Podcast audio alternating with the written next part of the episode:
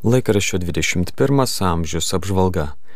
Naujausias 21 amžiaus numeris praneša, kad Lietuvoje lankėsi visuotinis Konstantinopolio stačiatikių patriarchas Baltramėjus I. Susitikė su premjere Ingrida Šimonytė, jis pasirašė susitarimą dėl bendradarbiavimo.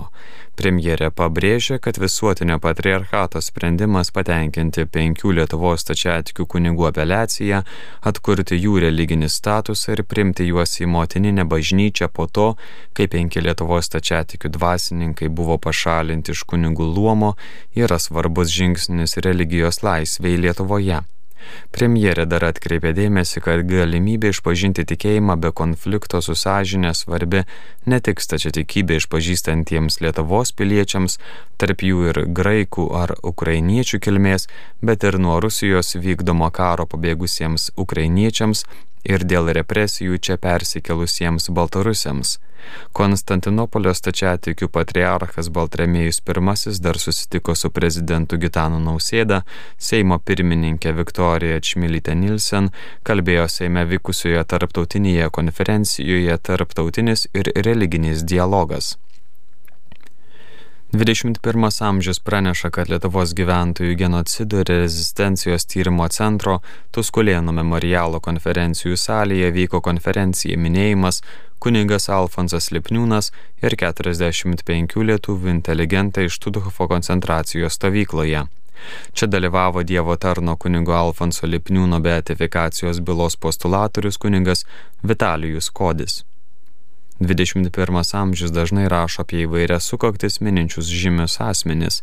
Šį kartą jas rengiantis Gediminas Adomaitis primena, kad šį mėnesį sukanka kunigo ir politinio kalinio Alantano Dilio gimimo šimtosios gimimo metinės, o prieš 40 metų mirė Študuhofo kalinys kunigas Stasys Ila. Kuningas Vitenis Vaškelis komentuodamas ateinančio sekmadienio Evangeliją rašo, kad mirusio Lozoriaus prikelimas yra skambus artėjančių Velykų varpo dūžis, kas galėjo pamanyti, jog Jėzus vien tik dėl to dėls išgydyti savo bičiulį Lozorių ir leis jam net numirti, kad praėjus kelioms dienoms po jo laidotuvių galėtų jam sugražinti gyvybę. Tik Jėzus yra prisikelimo pilnatvė, turintis gyvybę savyje, be jo mus liektų mirties akmuo, o kai priklausome jam, priklausome ir savo, nes sąžinės ramybė liudyja, jog esame Dievo vaikai, bei jo prisikelimo iš numirusių dalies paveldėtojai. Lozorius buvo prikeltas dėl mūsų, kad keliaudami jam žinų į Velykų šlovę, su tikėjimu žvelgtume į nukryžiuotąjį, mokydamiesi, kaip reikia kantriai nešti tas gyvenimo naštas, kurios skirtos mūsų laisviai Kristuje Dieve, kaip Jėzus prikėlė lozorių iš numirusių, taip ir mums padėk išlaisvinti iš nuodėmių, su kuriomis esame apsipratę ir nepastebime, kaip jos pančioje mūsų laisvę. 21 amžiaus priede abipus Nemuno pranešama, kad Simne prie klebonijos atidengta atminimo lenta, priminanti, kad čia buvo pradėta leisti Lietuvos katalikų bažnyčios kroniką. 1972 m. kovo 19 d. pradėjęs eiti pogrindinis leidinys pradėtas leisti čia dirbusio kunigo, dabar kardinolo Sigito Tamkevičiaus. Jis šią lentą ir pašventino, o Simno bažnyčiuje aukojo šventasias mišes, koncelebravo Vilkaviškio vyskupas Rimantas Norvila, prelatas Vytautas Gustaitis ir kanauninkas Valius Zubavičius. Lietuvos katalikų bažnyčios kronikos leidimas nepriminanti atminimo lenta įrengta Lietuvos gyventojų genocido ir rezistencijos tyrimo centro iniciatyva. Išėjo ir laikraštis katalikas. Jame pamokslėliuose apie išpažinti buvęs tverų klebonas kuningas Jonas Paliukas teigia, jog Velykinė išpažintis yra ypatinga. Tai ne tik išpažintis, bet ir bažnyčios įsakymo vykdymas. Daugeliu jį būna vienintelė išpažintis per metus ir reikia ją gerai atlikti. Bet Velykinė dažnai atliekama nepalankiomis išpažinčiai atlikti aplinkybėmis skubotai. Įprasta, kad kunigai neturi laiko jų deramai išklausyti, o penitentai nepasirenka savo tinkamesnio laiko.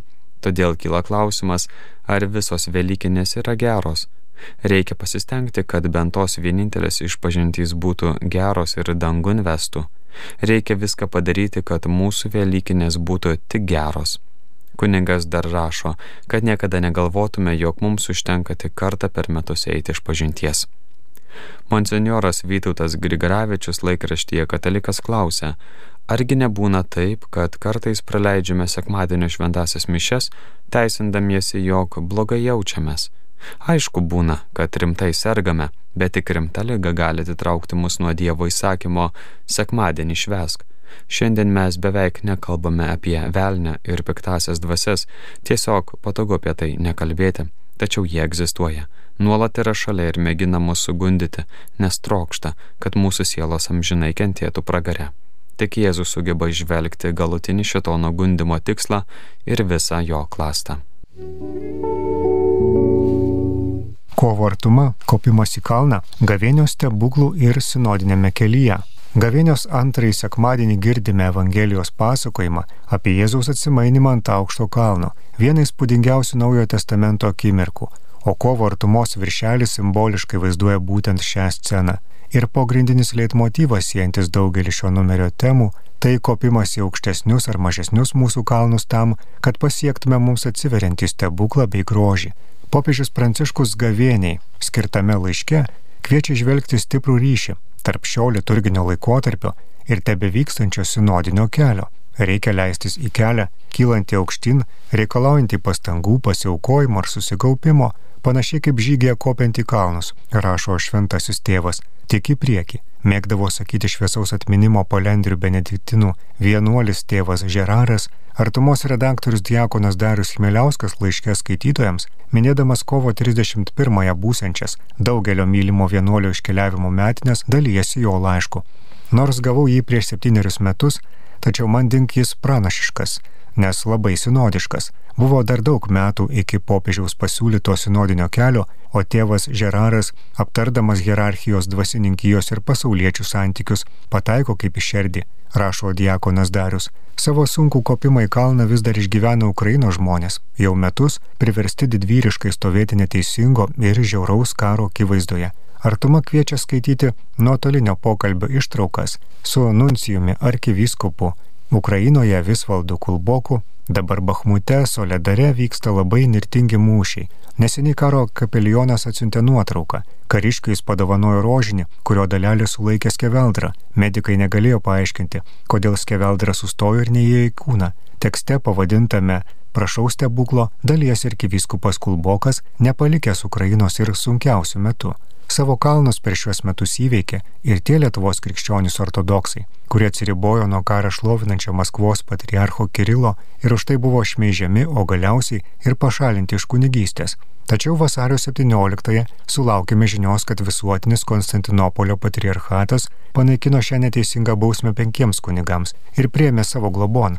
Penkiems kunigams visuomenė gali padėkoti ne tik už drąsos bei sąžinės pavyzdį, puikiai komunikuodami ir kantriai aiškindami įvairius teologinius, teisinius, istorinius niuansus, šie krikščionys padėjo mums geriau suprasti, kas yra ortodoksų bažnyčia, kaip įveikia ir kodėl Maskvos patriarchatas anaiptol nėra lygų visai ortodoksijai.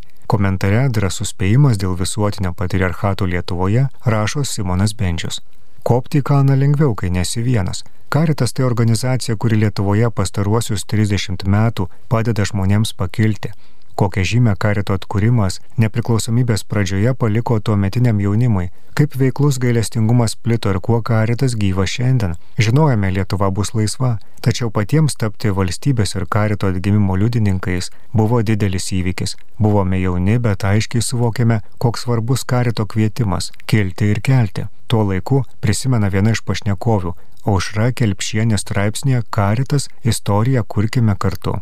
Viena iš artumai svarbių sinodinio kelio temų - moterų vaidmuo bažnyčioje. Šį kartą skaitykite komentarą daiktavardžiai, įvardžiai ir mes pačios, kurio autorė Junktinė Amerikos valstijų lietuvė poetė, filosofijos mokslų daktarė Marija Stanku Saulaitė.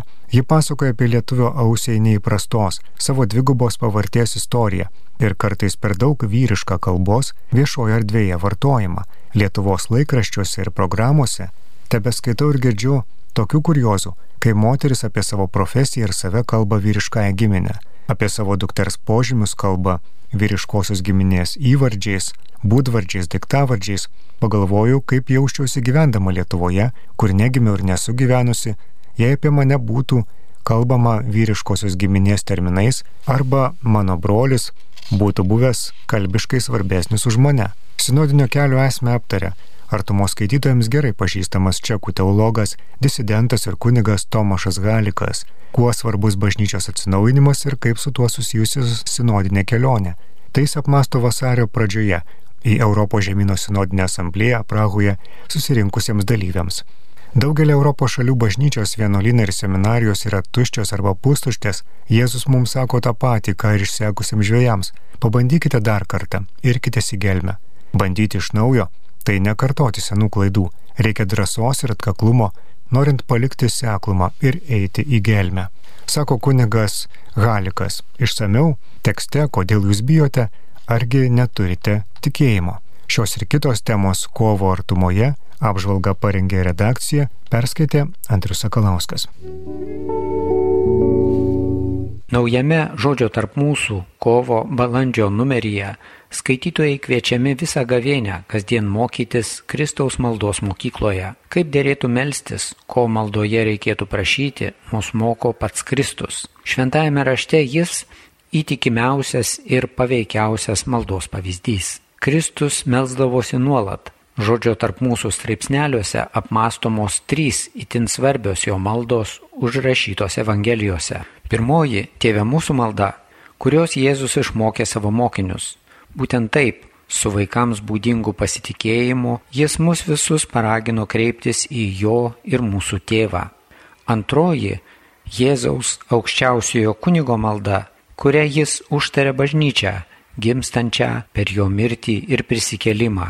Trečioji - Jėzaus malda Getsemanėje, kurioje kančios ir mirties akivaizdoje jis, sustiprintas šventosios dvasios, priima tėvo valią. Be to, žodėje tarp mūsų tęsiami psalmių apmąstymai. Rašoma apie dėkojimo Dievui psalmes ir aiškinama, kaip suprasti psalmininko maldoje vis nuskambantį keršto troškimą. Kuo šie kerštingi šūksniai turėtų tapti krikščionio maldoje?